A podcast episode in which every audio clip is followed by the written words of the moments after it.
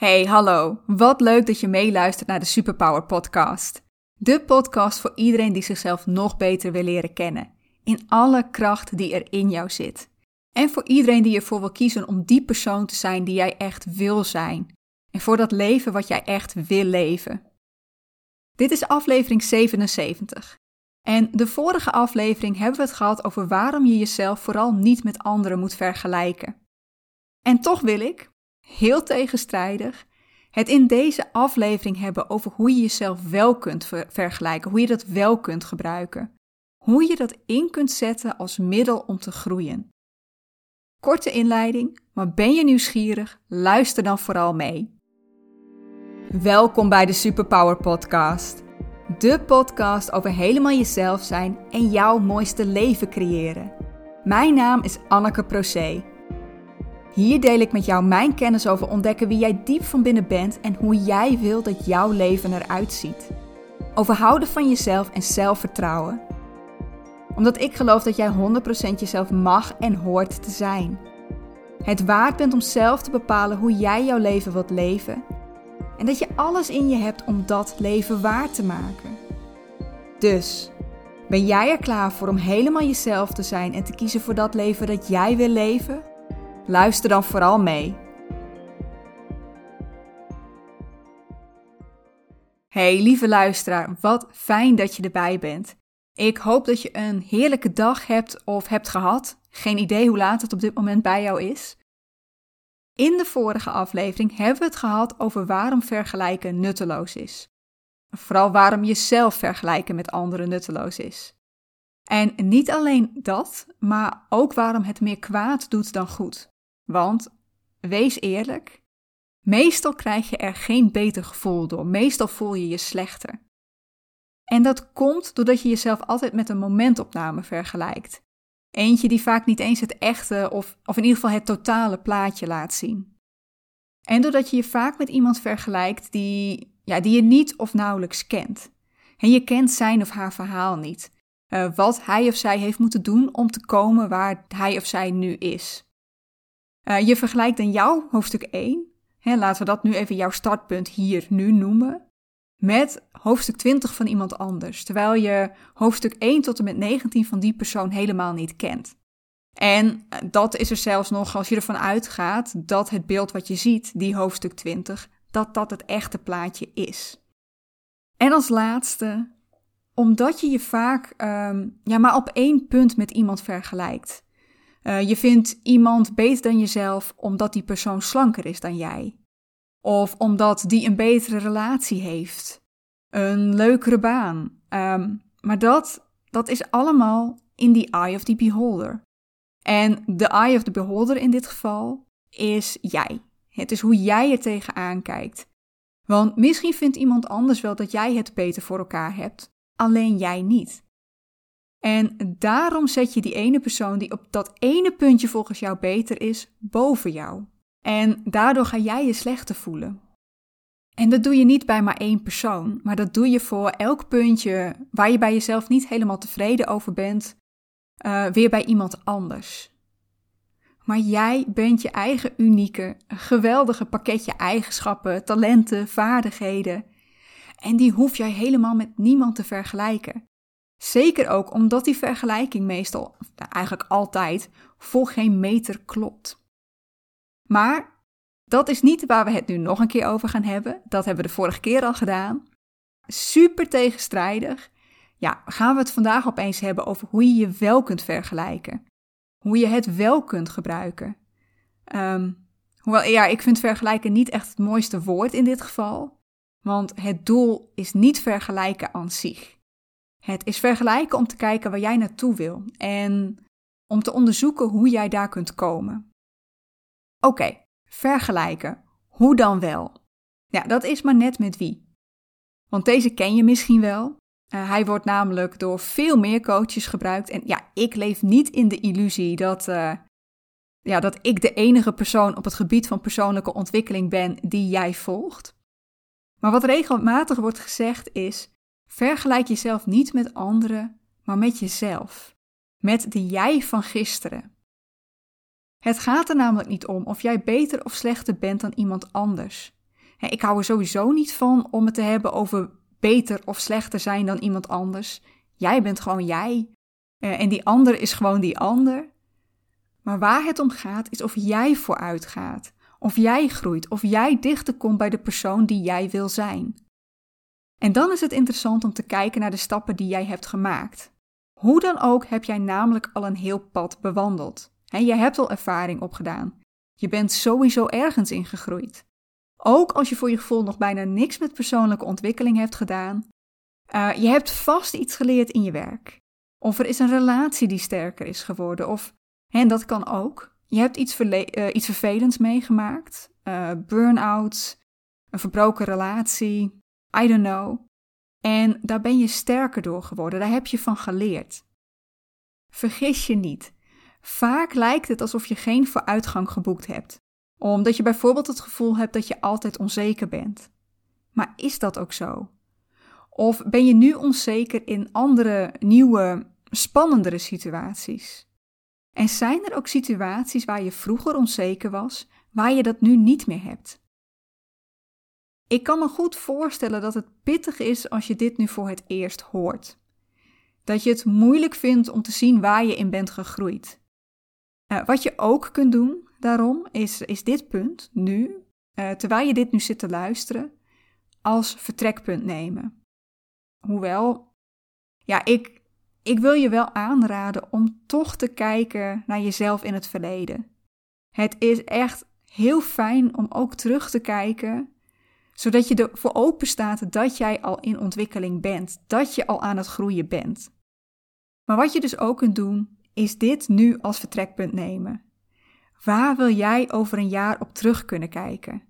Wat heb je dan gedaan, ervaren, meegemaakt? En waar ben jij sterker in geworden? Maak dit beeld zo levendig mogelijk voor je. Ga het echt zien, ga het echt voelen en hou dat beeld ook vast. Uh, bijvoorbeeld door het uit te schrijven, bijvoorbeeld een brief aan jezelf, of door er een moodboard van te maken. Nou, als je nog nooit met een moodboard hebt gewerkt, een moodboard is een collage van afbeeldingen en uitdrukkingen die passen bij daar waar jij naartoe wilt, of naar de persoon die jij wil zijn. Uh, dat kan bijvoorbeeld zijn door plaatjes uit magazines te, uh, te knippen, klippen, um, en, en, en zinnen die je aanspreken. Maar wat je ook kunt doen zijn afbeeldingen en quotes online zoeken. Nou, maak die Maak daar een mooie afbeelding van en zet of leg dat ergens neer waar je het regelmatig kunt zien, zodat je er regelmatig aan herinnerd wordt, zodat je regelmatig kunt voelen waar jij naartoe wil. En dan kun je de komende tijd jezelf met jezelf gaan vergelijken. Misschien al over twee maanden of over een jaar. Uh, hou, daar wel, hou daarbij wel in je achterhoofd. 1. Het gaat nooit zo snel als je zelf graag wil de verandering is er niet morgen al. En twee, het gaat niet vanzelf. Uh, dus even voor jezelf een doel stellen en hopen dat je automatisch verandert, zit er niet in. Daarvoor moet je echt aan de slag. Moet je ook die nieuwe houding aannemen. En dat vraagt herhaling, herhaling, herhaling.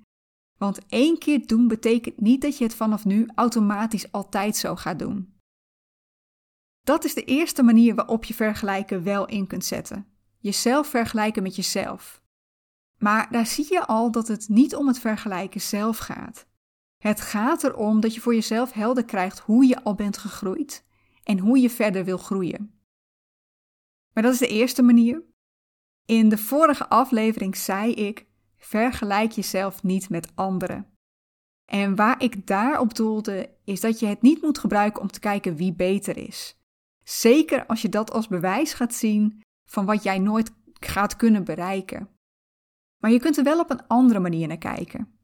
Dat je iemand ziet waarvan je denkt: wauw, daar wil ik ook zijn. Dat wil ik ook kunnen. Iets waar je stiekem een beetje jaloers op bent. Met jaloezie is niks mis, hè? Um, we zien dat iets als, als een, een zonde die je niet mag begaan. Maar jaloezie is iets wat je laat zien wat, waar bij jou een verlangen zit. Uh, het gaat alleen wel om dat je die ander niet gaat misgunnen. Maar dat je gaat denken, dat wil ik ook. Die ander heeft het en dat is goed. maar ik wil dat ook.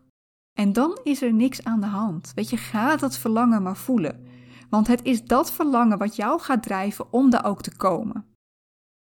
Wel belangrijk om bij jezelf goed in te checken waarom je dat wil. Ga je daar echt gelukkiger van worden of is het omdat je daardoor beter lijkt? Neem als voorbeeld even een grote auto. Wil je echt heel graag een mooie grote auto? En als je dat wilt, is daar niks mis mee. Maar het kan ook zijn dat je dat wil omdat dat je dat gevoel gaat geven dat je het hebt gemaakt. Dat je kunt laten zien van hé, hey, kijk mij eens. En dan is het de vraag of dat jou echt gelukkig gaat maken. Oké, je ziet dus deze persoon die op die plek staat waar jij ook wil staan, waar jij ook wil zijn. Gebruik die persoon als jouw voorbeeld. Ga niet bij de pakken neerzitten en denken: Oh, mij gaat dat toch nooit lukken. Waarom zou het niet lukken? Niemand van ons is een wonder. Nou ja, we zijn allemaal wonderen, maar hij of zij is niet een groter wonder dan jij. Die persoon is ook een mens, net als jij en ik. Dus wat hij of zij kan, dat kan jij ook. Misschien niet op dezelfde manier, like I said. We hebben allemaal onze eigen talenten en vaardigheden, maar het is niet dat jij gedoemd bent om minder te kunnen bereiken. Bedenk me nu wel, als je deze vergelijking wil gaan doen, dat dat misschien niet zo goed werkt op de momenten dat je even niet zo goed in je vel zit. op de momenten dat ik in mijn zij zijn beter vergelijkingsvalkuil trap, ben ik niet de meest zelfverzekerde persoon. Mogelijk herken jij dat ook. En dat is waarschijnlijk niet het beste moment om dit te doen. Misschien ook wel. Uh, dat moet je echt even bij jezelf aan gaan voelen. Maar ik voel me dan niet op mijn sterkst. Ik heb dan, ik loop dan echt het risico om wel weer in die modus terecht te komen waar ik denk: dit gaat me nooit lukken. Wat je dan wel kunt doen hè, om je uit die wow is me vibe te krijgen, is tegen jezelf zeggen: stop. Deze persoon kan ik ook als voorbeeld gaan zien. En misschien voel je op dat moment daar nog niet sterk genoeg voor, maar dan kun je er op een later moment helemaal induiken. Maar op dat moment helpt het je al, uh, al een beetje om uit die met mij komt het nooit goed houding uh, te komen. Voor mij werkt dit echt het beste als ik wat beter in mijn vel zit. En wat ik dan doe, is mensen zoeken waarbij het bij mij een beetje gaat knagen. niet genoeg om me helemaal naar beneden te halen en te denken dat haal ik nooit. Maar wel dat ik duidelijk voel, hier zit iets. Iets wat ik ook wil. En dat is het punt waar je dit op kunt pakken. En voor mij voelt dit als iets anders dan vergelijken. En ja, je kijkt wel naar, goh, waar staat hij of zij en waar sta ik? En als het goed is, zit daar een verschil tussen. Anders hoef jij, ja, hoeft hij of zij niet jouw voorbeeld te zijn, niet jouw motivatie. En dat betekent wel dat je aan het vergelijken bent, maar het doel is niet het vergelijken. Dat is wel wat je doet als je in die zij zijn groot en ik ben klein en dat is niet eerlijk, voor de mensen die Calimero kennen, uh, modus gaat zitten. Uh, maar wat je wilt doen is die vergelijking gebruiken om jouw doel en jouw vertrekpunt te kunnen bepalen. Jij bent nu hier en je wilt daar naartoe. Mooi. Waar het dan om gaat, is dat je gaat bedenken en onderzoeken hoe deze persoon daar is gekomen. En dat kan op twee manieren. Of de een krachtiger is dan de andere, weet ik eigenlijk niet. Um, ze hebben allebei hun sterkere en hun zwakkere punten. De eerste manier is misschien wel de engste. Misschien ook niet. Dat is maar net hoe spannend jij het vindt om mensen aan te spreken. En voor mij, ik vind dat soms best spannend. Maar je raadt het al, kom in contact met deze persoon. Stuur een DM, een pb, een mail. Vertel waarom hij of zij bij jou opvalt. Wat jij in deze persoon waardeert. En dat je graag meer wil weten over hoe hij of zij dat heeft gedaan. Kijk, het kan zijn dat ze het echt heel druk hebben. En ik kan me voorstellen dat als jij het probeert bij Elon Musk, dat je dan een nee krijgt.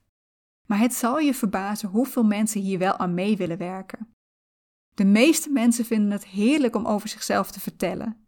Dus als je ze dan ook nog eens laat voelen dat jij hen als een succes ziet, dat jij van hen wil leren, dan willen heel veel best een digitale of een echte kop koffie of thee met je drinken. Ik heb dit ook een aantal keer gedaan toen ik zelf begon als coach. Uh, ik heb toen een aantal coaches gevraagd of ik ze een keer mocht spreken over hoe zij het hebben aangepakt. Van de acht kreeg ik volgens, van mij, volgens mij van één een nee. En van één achteraf de, reactie dat ze niet zoveel vertrouwen in me had. Tja, raar. Ik begon op dat moment net. Uh, zij was veel verder dan ik. Uh, ik zat überhaupt nog midden in mijn opleiding, had nauwelijks ervaring. Maar goed, van de anderen heb ik echt heel veel kunnen leren. En als iemand mij nu zou vragen of ze mij een aantal vragen mogen stellen, of bijvoorbeeld willen weten hoe ik het heb aangepakt met Kracht Magazine, dan zeg ik ook ja, zolang ik daar tijd voor heb. Dus wees niet te bang. Nee heb je en ja kun je krijgen. En dit is een goede tip die ik een tijdje terug uit een podcast van Brandon Burchard haalde. Vraag wat de zes belangrijkste acties zijn die je volgens hen zou moeten nemen. De zes belangrijkste stappen die zij hebben gemaakt. Je krijgt dan namelijk een aantal hele concrete stappen om mee aan de slag te gaan. En als je ook maar met één daarvan aan de slag gaat, dan groei je al. Maar er is ook een tweede manier. Eentje waarvoor je geen contact hoeft te leggen, maar waar je wel meer van je eigen creativiteit moet vragen.